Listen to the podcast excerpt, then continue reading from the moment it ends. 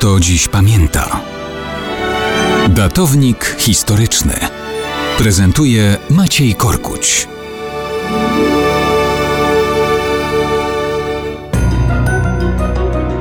Mało kto dziś pamięta, że jak można przeczytać w internecie 19 września to Międzynarodowy Dzień Mówienia jak Piraci. Czyli mówienia jak? Jak mówią piraci?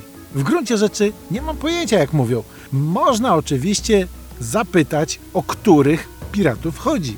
Bo jak podaje słownik języka polskiego, pirat to członek załogi okrętu, który na morzu napada i rabuje inne statki. Czyli rabuś, bandyta, złodziej, rzezimieszek, złoczyńca. Tyle, że uprawiający swój fach na morzu. Jakiego języka używają bandyci i złodzieje? Myślę, że wielkich różnic nie ma pomiędzy tymi lądowymi i morskimi. Przytoczyć?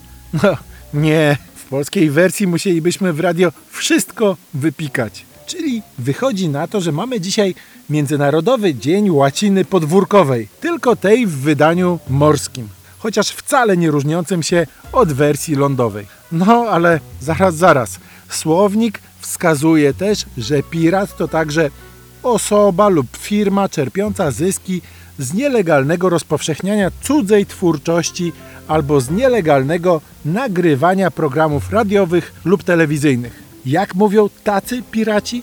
No, obawiam się, że używają terminologii zupełnie podobnej do tej, jaką posługują się twórcy, na wieść, że ich dzieła właśnie zostały spiratowane w tysiącach egzemplarzy. Koło się zamyka i wracamy do łaciny podwórkowej, języka rzezimieszków i rozbójników. Chociaż był jeden taki rozbójnik, który całkiem przyzwoitego języka używał i na co dzień, i od święta. Nazywał się Rumcajs i miał swoją Hankę, która go pilnowała. I to jej zapewne zawdzięczał kulturę osobistą. Natomiast stykał się ów Rumcajs często z pewnym wysoko urodzonym człowiekiem, który mięsem rzucał na co dzień.